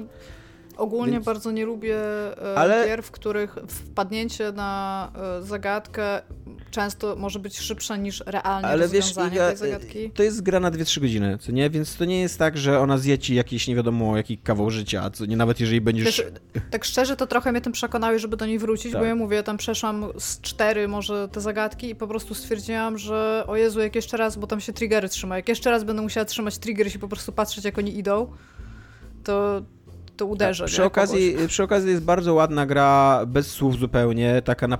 Ona, ona w ogóle, gdyby była, gdyby była film animowany, to totalnie mogła być filmem Pixara, bo to jest bardzo ładna gra o, e, o przyjaźniach młodzieńczych i o tym e, właśnie jak, jak jest taka magia takich przygód właśnie w ogrodzie, gdzie dookoła tak, takich całkiem normalnych przedmiotów e, dzieci budują sobie całe tam zabawy, całe, całe jakieś przygody, jakieś niezwykłe rzeczy. To chyba zaczyna w domku takim na drzewie, Tak, nie? tak, sensie, tak. No, no i, i, i o tym, że te, że te przyjaźnie często mm, są, mają taki smutny posmak, bo one wcześniej czy później ścieżki tych, tych ludzi, którzy taki się w dzieciństwie przyjaźnią, się rozchodzą e, z różnych życiowych powodów, albo po prostu dlatego, że, że ludzie dorastają. I ma taki, taki fajnie pozostawia, przynajmniej we mnie pozostawiło takie sentymentalne, melancholijne poczucie, że tam, że o, że że, że obudziła ta gra we mnie jakieś emocje, z którymi się identyfikuję, które przeżyłem też. I... O, wszystko jest najgorsze, a potem się umiera. O, super. Identyfikuję się z tymi emocjami, ale to nie te emocje ta gra mnie obudziła. Ale ogólnie, tak jak mówię, no kupiłem tą grę ze 3 lata temu, y, nie mogłem się przekonać, żeby w nią zagrać, w końcu po 3 latach się przekonałem i naprawdę dobrze się bawiłem. Naprawdę jest to ładny, fajny indie gem taki. Właśnie ona prze, prześlicznie wygląda w ogóle i, i, super, super jest udźwiękowiona, ma super takie nastawienie na, na nastrój. Też, tak, tak. E, więc, e, więc bardzo polecam i, i wydaje mi się, że jest ona trochę podobna do tego, co ty mówiłaś o chmurce. A powiedziałbyś, The Gardens Tomku, Between się nazywa ta gra. Tak, że największe muzułmańskie zrzeszenie w USA e, by popierało tę grę? E, tak, myślę, że tak. A jakie gry by nie popierało? Myślę, myślę, że muzułmanie również mają dziecięce przyjaźnie i też... Do, dobry segway, nie? Dobra przejściówka. Tak, tak nie, nie popierałoby na przykład y, y, gry Six Days in Fallujah, rozgrywającej się w dekoracjach prawdziwej wojny w Iraku i prawdziwej bitwy y, o Fallujah y, i y, skupionej bardzo na odzorowaniu tego, jak ta bitwa wyglądała i, i przekazaniu wszystkie, wszystkiego, pokazaniu wszystkiego bardzo realistycznie. Poza, poza poza tym, że Amerykanie popełnili tam zbrodnie wojenne, tego nie będziemy pokazywać realistycznie. I poza tym, że, to że ta e, bitwa się rozegrała w autentycznie istniejącym mieście, autentycznie geograficznym pewnym środowisku, a gra będzie roguelike'iem takim, który, który będzie losował za każdym razem proceduralnie e, etapy, więc to też jest, to też jest dziwna, to też jest dziwna decyzja. Znaczy, to jest dobra decyzja jak na taką grę, tak mi się wydaje, bo ona jakby po, ma tą, tą taką mechanikę briczowania drzwi, co nie, czyli tam wchodzenia do pomieszczeń i że nigdy nie wiesz, co jest za tymi drzwiami, jaki niebezpieczny. Więc to jest, to jest dobra mechanika jak na taką grę, ale dziwna mechanika jak na grę stawiającą tak bardzo na jakiś tam realizm i odzorowanie historycznych realiów. I tak, i największa organizacja w Ameryce zrzeszająca muzułmanów, e, Kair. Kair? Kair, ale ja, tak, ja, ja przeczytałem to jako Kair, bo właśnie znaczy, chciałem... też myślę, że Kair. Chciałem ją jeszcze Kair. pochwalić, ja chciałem ją jeszcze pochwalić za nazwę, jakby to jest super nazwa tak, dla, dla organizacji nazwa, no. muzułmanów, co nie? E, to jest Council of American Islamic e, Relations. E, zaapelowała do Microsoftu i do Sony i do Valve o to, żeby nie dystrybuowały Six Days in Fallujah ze względu na to, że zdaniem, zdaniem te, tego Kairu gra będzie miała e, antymuzułmańskie przesłanie, będzie uzasadniała mordowanie, będzie dokładnie to napisali, użyli w sformułowaniu, że to będzie Arab Murder Simulator, czyli symulator mordowania Arabów i że nie będzie ona jakby przedstawiała prawdy historycznej, tylko będzie przedstawiała amerykańską, spojrzenie amerykańskiej propagandy na tą prawdę historyczną. O, co do czego chyba nawet twórcy się zgadzają, że tak będzie, bo... Tak, jakby, zatrudniając ekspertów z armii, którzy tam tak, byli, i, i jakby mówili. sami przyznali, że, że są zainteresowani prawdą, ale nie tą prawdą o zbrodniach wojennych. jakby ten, ten aspekt prawdy ich, ich nie zafascynował tak bardzo. ja niestety, ja niestety popełniłem... Tam on, oni jeszcze... Przepraszam. Ja niestety popełniłem straszny błąd i przeczytałem pierwszy raz tego newsa, przeczytałem na Poligami, a Poligamia należy do wirtualnej Polski teraz i e, user wirtualnej Polski zakradł się do tego newsa, bo ona chyba musiała się otrzeć gdzieś o stronę główną wirtualnej Polski. I rak, jaki tam się dział w komentarzach. Autentycznie, e, rak, jaki tam się dział się w komentarzach, e, dowodzi moim zdaniem, że taka gra nie powinna powstać, albo że powinno się ją robić z olbrzymią, olbrzymią e, e, uwagą i taką wrażliwością, bo totalnie tam byli ludzie, którzy teraz to jak muzułmanie nie, nie popierają tej gry, to ja to kupię trzy razy w ogóle teraz. Nie? I Co będę udowodnić, że to nie jest Będę strzelał do każdego brązowego człowieka w ogóle w każdej grze teraz po cztery razy i dobijał jeszcze jego, wiesz, zwłoki. E, tak właśnie, bo oni jeszcze powiedzieli w tym, e, w tej swojej odezwie, że oprócz tego, o czym powiedziałeś, ta gra będzie też e, jakby szukam polskich słów. Jakby jeszcze bardziej usprawiedliwiała przemoc wobec muzułmanów w po prostu krajach niemuzułmańskich, w których już ta przemoc i jakby opresja kulturowa jest dosyć wysoka, tak? Więc to też, to też trzeba jakby wziąć pod uwagę, nie? jeżeli chodzi, jeżeli jest się wydawcą. Tak, właśnie. Tego y, typu gry. To jest, to jest przedziwny, to jest przedziwny mm, taki ruch, bo y, y, no, wojna w Iraku i wojna w Afganistanie zaczęły się w tym momencie historycznym, kiedy na skutek działań Osama Bin Ladena i polityki George'a W. Busha jakby um, muzułmanie, Arabowie i w ogóle ludzie o brązowej karnacji stali się takim, takim chłopcem do bicia popkultury, takim nowym nacistą popkultury. I były całe przecież Call of Duty, gdzie właśnie gdzie strzelałeś do brązowych ludzi i oni byli takim mięsem armatnim po prostu i, i, i tyle. Call of Duty 4 takie jest.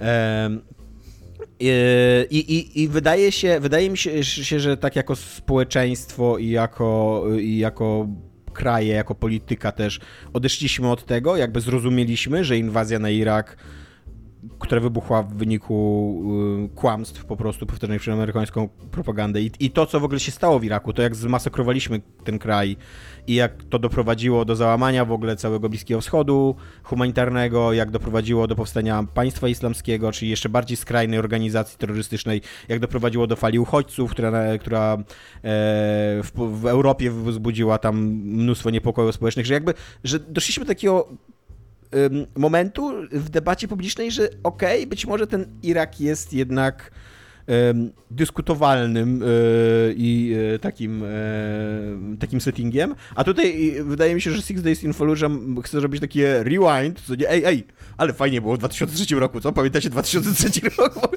To był dobry rok. Bo to jest, bo to jest w ogóle strasznie taki projekt właśnie spoza czasu, który, który tak. jakby, niech on umrze w tym 2003 roku, naprawdę i, I, być może to miałoby sens wracania do tego, gdyby oni mieli na to jakąś świeżą, nową perspektywę, ale wszystko, co oni mówią i pokazują, świadczy o tym, że nie. Tak, bo oni w ogóle w międzyczasie pokazali trailer do tej gry i to jest totalnie w ogóle first person shooter, taki na maksa stereotypowy.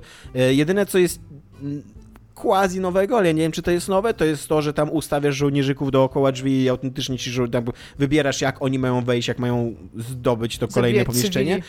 ale to było w, w, w, setkach gier wcześniej, jakby to już SWOT robił stary, um, nawet niektóre Call of Duty to robią. Jest taki, jest SWOT 3 for life po prostu. Tak, nawet niektóre Call of, Duty, Call of Duty to robią, które są przecież dużo bardziej strzelankowe, a w ogóle nie są prawie strategiczne. Mnóstwo strategii to robią, całe, całe, um, e, cały XCOM, e, ten najnowszy, ten Y, Chimera to jest właśnie o, o breachowaniu pomieszczeń i tak dalej. Więc to nie jest tak, że oni mają nawet na poziomie mechanicznym i takim gameplayowym coś świeżego i nowego do opowiedzenia, co nie?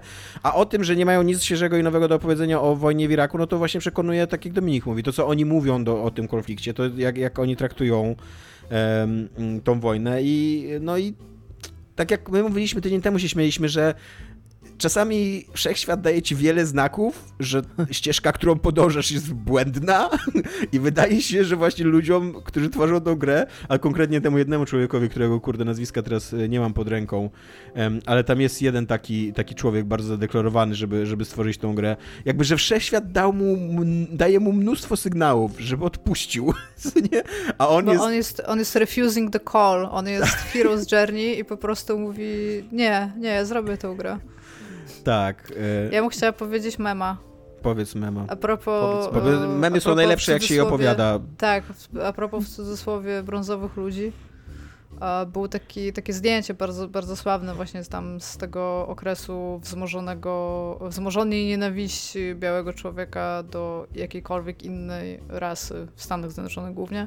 I był taki Sikh, w sensie Hindus, który miał karteczkę z napisem, że tam we're not 9-11 people, we're the 7-11 people. I tak. tak, tak. Tak. E, więc e, ja nie tak. czekam. Chciałabym powiedzieć wszemi wobec, że nie czekam na Six Day in Fallujah. Chciałam powiedzieć Fallujah, nie zrobiłam tego. Ja, ja wierzę, że to może być interesujący shooter yy, i wydaje mi się, że ta gra mogłaby być o wiele lepsza, gdyby nie była obarczona tym właśnie takim politycznym i historycznym bagażem, w który się pakuje zupełnie Ona w ogóle nie powie...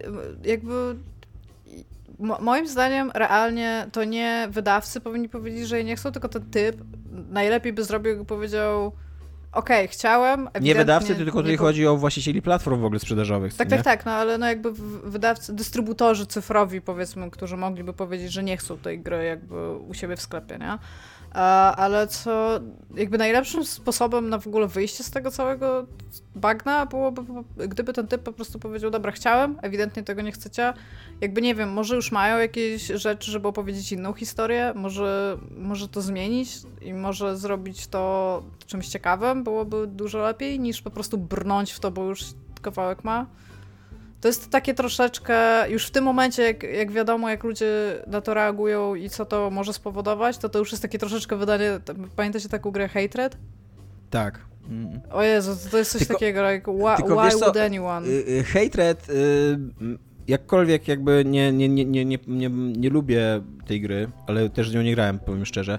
Ale nie lubię te, tego, jak ona była sprzedawana, o to mi chodzi, co nie? Jak, jak ona, jakim była dziełem takim e, marketingowym, że się tak wyrażę. Ale ona była bardzo wyraźnie, ona była bardzo wyraźnie właśnie nastawiona tylko na to, co nie? Jakby na takie wzbudzenie kontrowersji i oni to tak, robili tak, bardzo cynicznie, bardzo świadomie i tak dalej. A wydaje mi się, że ci ludzie od Six Days in Fallujah, że oni gdzieś w głębi serca mają jakieś dobre intencje, bo e, jak, jak są wywiady z nimi i prowadzone i tak dalej, to oni mówią z jakąś wrażliwością i, i o właśnie i o cywilach e, w Iraku i zapraszają jakichś tam tych tłumaczy armii amerykańskiej, żeby oni też byli konsultantami i tak dalej.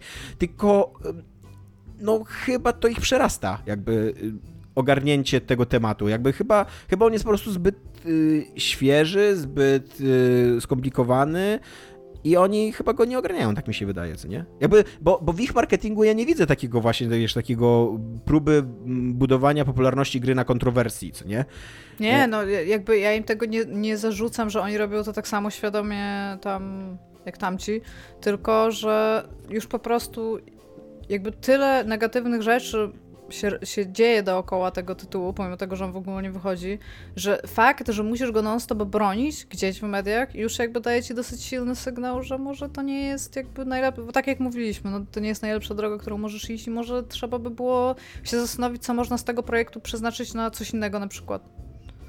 Albo to będzie najbardziej breakthrough no. wizja patrzenia na wojnę, która będzie w jakiś sposób sprawiedliwa, z pominięciem zbrodni wojennych w jakiś sposób i nagle otworzył nam wzrok, ale no nie sądzę, no. Też nie sądzę. No, nie spodziewam się tutaj kolejnego Spec Ops The Line. I na koniec zostało moje, co jest grane, którego już połowę zrobiłem, e, a druga połowa, a druga połowa będzie trochę takim e, powrotem do, do przyszłości, bo już raz mówiłem o książce Nurt e, Tima Johnstona. I teraz ją przesłuchałem do końca i chciałbym trochę, chciałbym do niej wrócić, bo wydaje mi się, że trochę mogłem być niesprawiedliwy wobec niej. Znaczy jakby nadal utrzymuję mój zarzut wobec niej, że ona jest przytłaczająco smutna. Jest, to jest. Y, ona, w niej wszystkie postacie są smutne i wszystko, co się dzieje, jest smutne i wszystkie przemyślenia tych postaci są smutne. Czy I ona jest. Y, książka? Słucham? Czy to jest o mnie książka? Nie, nie, to nie jest o tobie książka. E, i, e, ale i to jest, to jest w ogóle taki problem. Wydaje mi się, że Dominik, właśnie ty też miałeś taki problem właśnie z Leftover. Leftover. E, leftovers, leftovers. Tak jak się to serial nazywa. E, że, że, że, że to, że ona je, że to, że ten smutek jest taki przytaczający, to na dłuższą, na dłuższą metę to jest męczące po prostu i to jest takie płaskie, takie, że zastanawiasz się, kurde, no dobra, ale jakby co jeszcze macie mi do powiedzenia? Jakie jeszcze emocje macie mi do zaproponowania, co nie? E, a ten nurt e, nie za bardzo ma inne emocje do zaproponowania, ale jest to również kryminał. To jest kryminał taki psychologiczny z naciskiem na bardziej psychologia. Bardziej, bardziej tam się dzieje powieść psychologiczna niż, niż kryminalna, bo zagadka kryminalna, e, jej rozwiązanie jest bardzo łatwe. Takie, że po prostu pewne rzeczy się wydarzają, tam nie za bardzo trzeba w ogóle prowadzić śledztwo, żeby rozwiązać tę zagadkę. Ona, e, ta książka się rozpoczyna od tego, że dwie nastolatki e, w samochodzie zostają zepchnięte do rzeki przez inny samochód ale tak, że nawet nie do końca wiadomo, czy to jest wypadek, czy to nie jest, czy to jest morderstwo. E, jedna z nich ginie, a druga, a druga wraca do rodzinnego miasteczka i, ty, i tu, tutaj jest się, jakby jest ukryta druga zagadka y, kryminalna, która jest ważniejsza, bo w tym y, miasteczku doszło 10 lat temu do e, morderstwa, też dziewczyny i też w rzece, umarła ta, ta, ta, ta, ta dziewczyna i jakby to, to morderstwo wisi tak nad tym miasteczkiem, jakby ludzie cały czas nim żyją, mm, nie, zostan, nie, nie został odnaleziony sprawca, główny podejrzany został wypuszczony. I to oczywiście, że on był głównym podejrzanym, to mu zrujnowało życie, nie wiadomo, czy on jest winny, czy on jest niewinny, ten ojciec tej dziewczyny, która została zamordowana, cały czas żyje w tym miasteczku i jakby... Mm, nie potrafi sobie z tym poradzić. Szeryf, y, szeryf tego, tego ty, który wypuścił tego podejrzanego, jest ojcem tej dziewczyny, która przeżyła wypadek. No i jakby, jakby tak zaczyna się takie quasi dochodzenie, nie do końca to jest dochodzenie, mówię, bardziej to jest po prostu ciąg przyczynowo-skutkowy, który prowadzi do tego, że ta, ta, ta, ta zagadka zostaje w jakiś sposób tam rozwiązana. I to, co jest ciekawe w tym film, w tej książce, to, że po pierwsze ona jest zaskakująco dobrze napisana, jak na taki kryminał, taki na maksa, na maksa w ogóle kasowy, że się tak wyrażę, kryminał pisany w ogóle totalnie jako, jako takie przedstawienie po prostu gatunku. E, I on, ona jest naprawdę dobrze napisana i dużo jest takiego przechodzenia na taki, na drugą osobę w ogóle liczby pojedynczej, takie, że, że narracja nagle... Um, jest o mnie? No trochę tak, trochę tak stara się być taka, taka, że, że postaci, ja, ja bardzo lubię w ogóle ten taki myk literacki, że postacie rozważają o czymś i nagle język narracji zmienia się tak, jakby, że, że postać mówi do ciebie, a de facto mówi do siebie jakby, albo myśli o sobie. E, ale to, to ci pomaga się utożsamić z tą postacią. I to, to jest trochę taka, taka blogowa maniera. Kiedyś takie były mm, takie wpisy blogowe, że tam budzisz się i, i widzisz coś tam i, i, co nie. Opowiadania erotyczne też są zwykle tak napisane. Tak? W drugiej bardzo osobie dużo, liczby Bardzo, bardzo wiele z nich, no i nie wiem. Ja uważam, że to jest trochę creepy, ale no może może Interesujące jest to, co mówisz. Nie zdawałem sobie z tego sprawy, że opowiadania erotyczne są tak napisane. Eee, I co jest też ciekawe, co jest też ciekawe w tej książce, to, że ona stara się pokazywać w miarę realistycznie pracę policji. E, I, i, śledztwa w takich sprawach. I ona stawia na takie rzeczy, które są dosyć nieoczywiste w kryminałach, czyli na przykład na to, że, że nie, w wielu, przy, przy wielu sprawach nie masz pewności.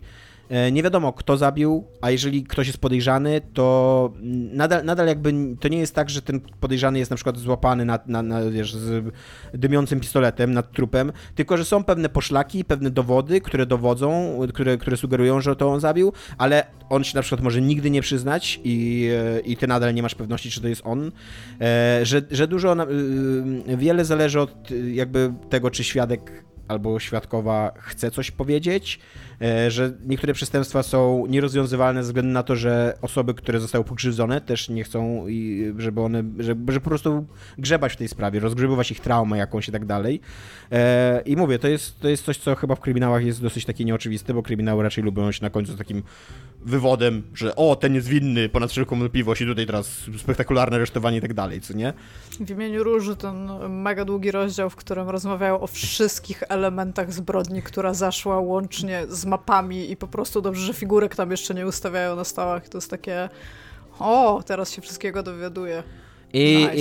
i, I, niestety, y, mm, jak już, y, jak można się domyślić w ogóle po tym krótkim streszczeniu, jakie tam wprowadzeniu, jakie zrobiłem, to jest kolejna, kolejna powieść albo kolejny utwór popkulturowy, który ja oglądam w ostatnim czasie albo czytam w ostatnim czasie, który okazuje się być utworem o patriarchalnej przemocy wobec kobiet, także seksualnej i jest już bardzo źle ze sobą samym, jakby jest, czuję, czuję się zupełnie winny, jakby jest, jesteśmy beznadziejni i przyznaję się do tego. I, i, i tak, mam siebie dość i, i cywilizacji białego, białego mężczyzny też mam dość. E, i moglibyśmy już przestać, jakby, ale to też, to też jest bardzo fajnie pokazane, jakby to też jest, y, y, fajna jest ta książka pod tym względem, że ona nie jest, nie mówi ci rzeczy wprost, nie, nie, nie tłucze ci młotkiem do głowy, tylko one po prostu wynikają z, z fabuły, wynikają z postaci i tak na końcu zostajesz taki z takim myśleniem o niej, co nie, że ona ci zostaje w głowie. Więc tak jak mówię, trochę, trochę być może niesprawiedliwy o niej byłem, ale podtrzymuję swój zarzut, że jest y, przytłaczająco jest smutna. smutna. Jest, jest, za, jest za Jeszcze smutna. żółw uciekł na koniec po prostu. Jest tak, jest, jest męcząco smutna, o, o, o tak, nie bym powiedział. E, I książka Nurt y, Tima Johnstona, e, jakbyście byli zainteresowani.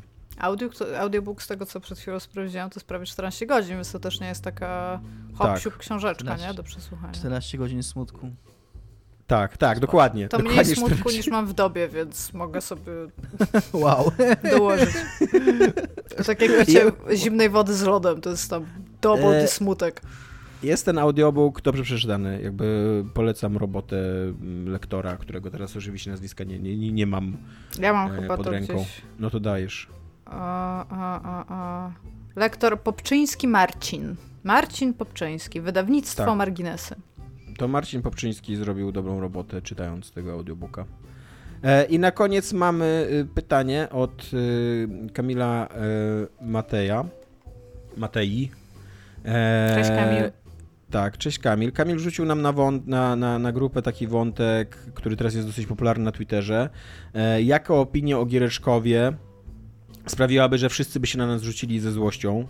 E, ten, do tego jest dołączony taki, taka graficzka, że tam stoi sobie człowieczek e, przy ścianie i wszyscy mierzą do niego ze swoich mierz, On jest bardzo zadowolony z tego, co powiedział. No. Tak, on, on jest bardzo zadowolony i to jest, to jest ciekawy wątek, tam były bardzo fajne, ciekawe odpowiedzi i Dominik Go, jaka jest twoja odpowiedź? Jaka jest taka opinia? E, moja odpowiedź z wątku to była, że to nie jest Half-Life 3.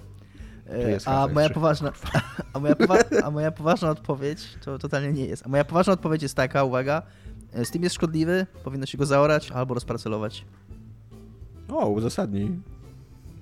E, ma za silną pozycję przede wszystkim jako sklep. I to jak dużo, jak, jak, jak mocno dyktuje warunki, jak kiedy się zastanowi, że to jest tylko sklep, jak bardzo on wpływa na życie ludzi, którzy sprzedają gry, jak bardzo kontroluje ten rynek, jak bardzo nie daje wyboru często mniejszym twórcom, którzy po prostu muszą przystać na jego warunki, jeżeli w ogóle chcą e, istnieć na tym rynku i jak wielka niechęć jest graczy do, jak, jak Epicowi się, ja nie, jakby nie chcę tutaj chwalić Epika, ani tam jakąś laurkę Epicowi prawić, ale Epic, mnóstwo się Epicowi obrywa za po prostu nie bycie Steamem.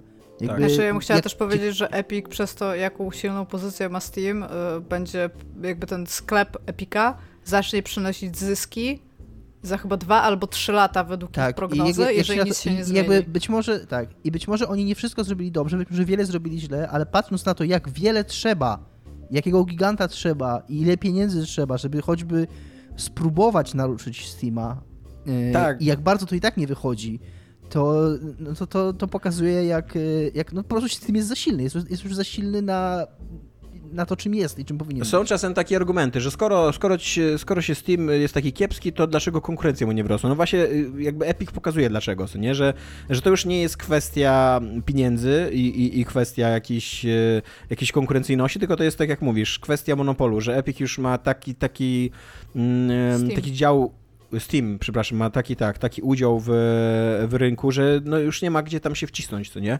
Nawet jeżeli masz taką potęgę finansową tak. ze sobą jak, jak Epic. Iga, jaka jest twoja opinia? A...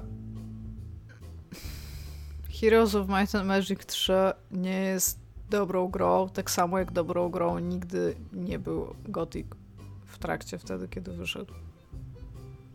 Dlaczego I Gothic zasadnie... był już starą grą w trakcie wtedy tego, jak wychodził i ja rozumiem jego sukces w Polsce i w Niemczech, ale wyjmijmy głowę z, wiadomo skąd, własną, z niemieckich przyznajmy to.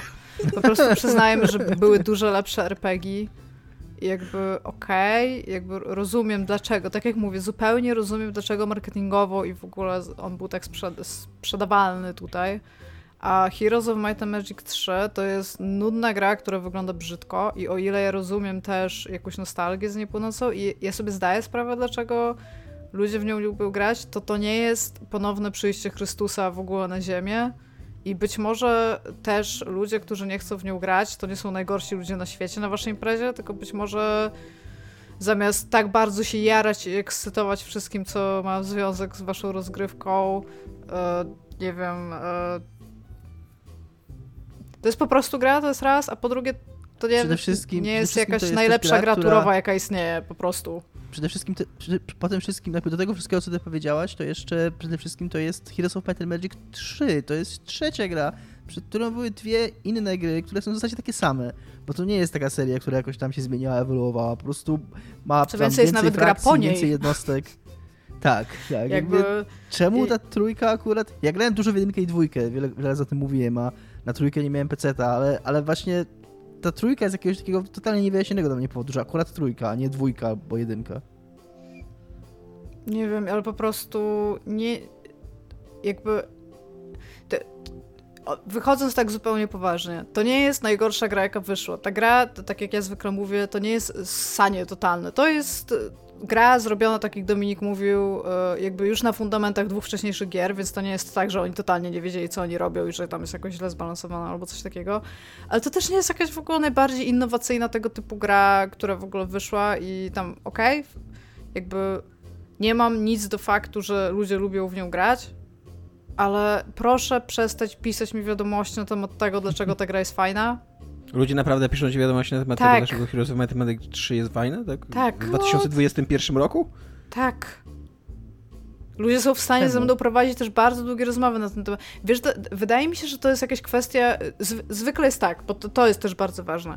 Jeżeli. Yy, na przykład, ja mówię, że ja nie lubię tej gry, to ludziom się automatycznie aktywuje fakt, że oni muszą mnie przekonać, że to jest jednak dobra gra i zawsze, po prostu zawsze, 100% przypadków pada jakiś taki tekst typu że jak byłem mały, to na przykład grałem z siostrą i super się bawiliśmy i w ogóle tam ten, albo y, chodziłem na imprezę, znaczy na imprezę, chodziłem do znajomych i na przykład w cztery osoby graliśmy i było super. I jakby zawsze pojawia się ten wątek nostalgiczny związany z faktem, że grali w nią kiedyś z kimś tam i nigdy to nie jest rozmowa na temat, nie wiem, mechaniki, albo właśnie tego, jak ona była wyjątkowa pod jakimś względem, albo coś takiego. Więc wydaje mi się, że to się wiąże z faktem takiego bardzo dużego związania z tą grą, jakby personalnego.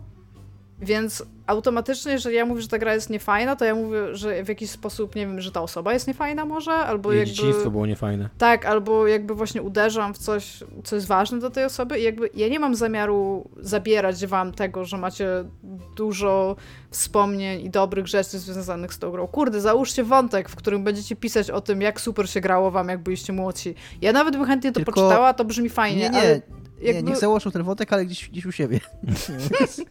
jak dla mnie mogą założyć u nas i mówię, jeżeli to są naprawdę takie fajne historie na temat tego, jak się grało tam z kimś i były jakieś w ogóle, to też, to też mi się podoba. Jak ludzie mi piszą o tym, jakie mieli meta zasady na przykład, no odnośnie tego i tam super, to mi się, tego mi się fajnie słucha, ale nie w kontekście tego, że będziecie mnie przekonywać, że to jest, mówię, jakby jak, jakby jak była jakaś gra, która została stworzona z relikwii, kurde, drza Krzyża Świętego, to mi się wydaje, że większość graczy by postawiło na nią albo właśnie na Gotika w Polsce. No jakby nie, nie, nie, nie lubię.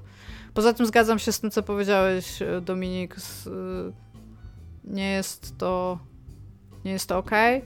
Jest takie coś jeszcze, co bym mogła powiedzieć, ale sądzę, że większość ludzi się ze mną zgodzi, więc to nie jest jakaś kontrowersyjna opinia, ale ja bym postawiła jakiś maksimum sequeli, które może mieć gra, bo chciałabym mieć więcej nowych IP. Więc jakby o ile lubię niektóre gry, kurde, na przykład Silent Hill miał chyba 9 części, tak, jeżeli dobrze liczę, to tam fajnie, że było to 9 części, ale wolałabym mieć inne rzeczy. Jakby. E, moja kontrowersyjna opinia e, jest taka, że gry wideo mają problem z przemocą re, relację problematyczną z przemocą. Myślę, że jest nikt to, tego nie zauważył. Jest to paradoksalnie, moim zdaniem, w 2021 roku nie jesteśmy dużo dalej, jeżeli chodzi o dyskusję i debatę na temat przemocy w gier, e, niż byliśmy w latach 90. Jak napisałem, jak napisałem felieton na e, Zagrano o tym, że że problemem gier wideo nie jest to, że tam Doom e, sprowokuje jakiegoś e, pojedynczego strzelca takiego szkolnego, który pójdzie i zabije, tak jak w Columbine, tam kilkanaście osób. Dwóch. Tak, dwóch ich było, tak? Jakby to, to nie jest problem. To jest, to jest bardzo oczywista sprawa, że ci ludzie byli głęboko zaburzeni i mieli problem. Jakby to, to, to nie jest tak, że John Romero jest odpowiedzialny za to, co, co, co, co oni zrobili. Ale to, ile jest przemocy w grach, jak ona, jakby jaki nas rzuca w ogóle taki mm, dyskurs. Yy, w głównym nurcie, jak, jak normalizuje przemoc i to, to, jest, to jest problem. Jakby, jak bezrefleksyjna jest gra wobec, jak bezrefleksyjne są gry wobec przemocy, E, jak wypełnione są gry. Jakby często się, często się mówi, że często jest taki kontrargument, że, że przemoc jest przecież w każdym innym medium. Pewnie, że jest, ale po pierwsze, w żadnym medium nie jest w takim nasileniu jak w, w, w grach wideo. W żadnym, w żadnym filmie nie jest normalne, żeby główny bohater zabijał 700 osób. E, a w, w Uncharted to jest normalne. Zabijanie 700 osób Normalne nie, w Uncharted jak najbardziej. E, The Last of Us 2 to jest gra, która ocieka w ogóle okrucieństwem i morderstwami w ogóle naprawdę w wysokim stopniu okrucieństwa. Nie, to, to są sceny, które są normalne w grach wideo, w, w, w filmie, w horrorze to by było jakaś taka skrajna y, nisza, skrajna nisza, tak, która ma swoich tam fanów, ale która w ogóle nie, w ogóle nie ma wstępu do, do mainstreamu, bo y, jakby, a, a właśnie, a gry poprzez normalizowanie, poprzez dziesiątki lat normalizowania tego, to, to, to jest absolutnie normalne. Co się, to, co się dzieje w The Last of Us 2, to jest dla graczy to jest absolutnie normalne, nie? A po drugie, też e, wydaje mi się, że twórcy gier wideo zwłaszcza, ale też tacy obrońcy właśnie gier wideo jako, e, jako medium, które nie, nie ma żadnego problemu z promocją, w ogóle nie dopuszczają do siebie, że gry wideo jest, to jest inne medium, i to, że jakby to, jak odbierasz przemoc w mediach nieinteraktywnych, jest czymś zupełnie innym niż to, jak odbierasz przemoc w e, medium interaktywnym? Ale też to jest coś, co powiedziałeś e, raz, a wydaje mi się, że też należy to podkreślić, że już tam ciul, czy zabija 700 ludzi, czy 50, ale jeżeli to się dzieje w filmie, Tak, w książce, tak. to bardzo często jest to jakimś komentarzem postawione.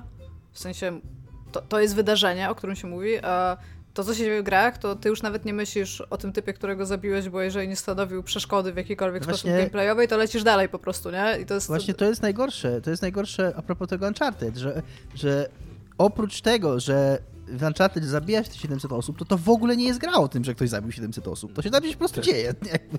To jest...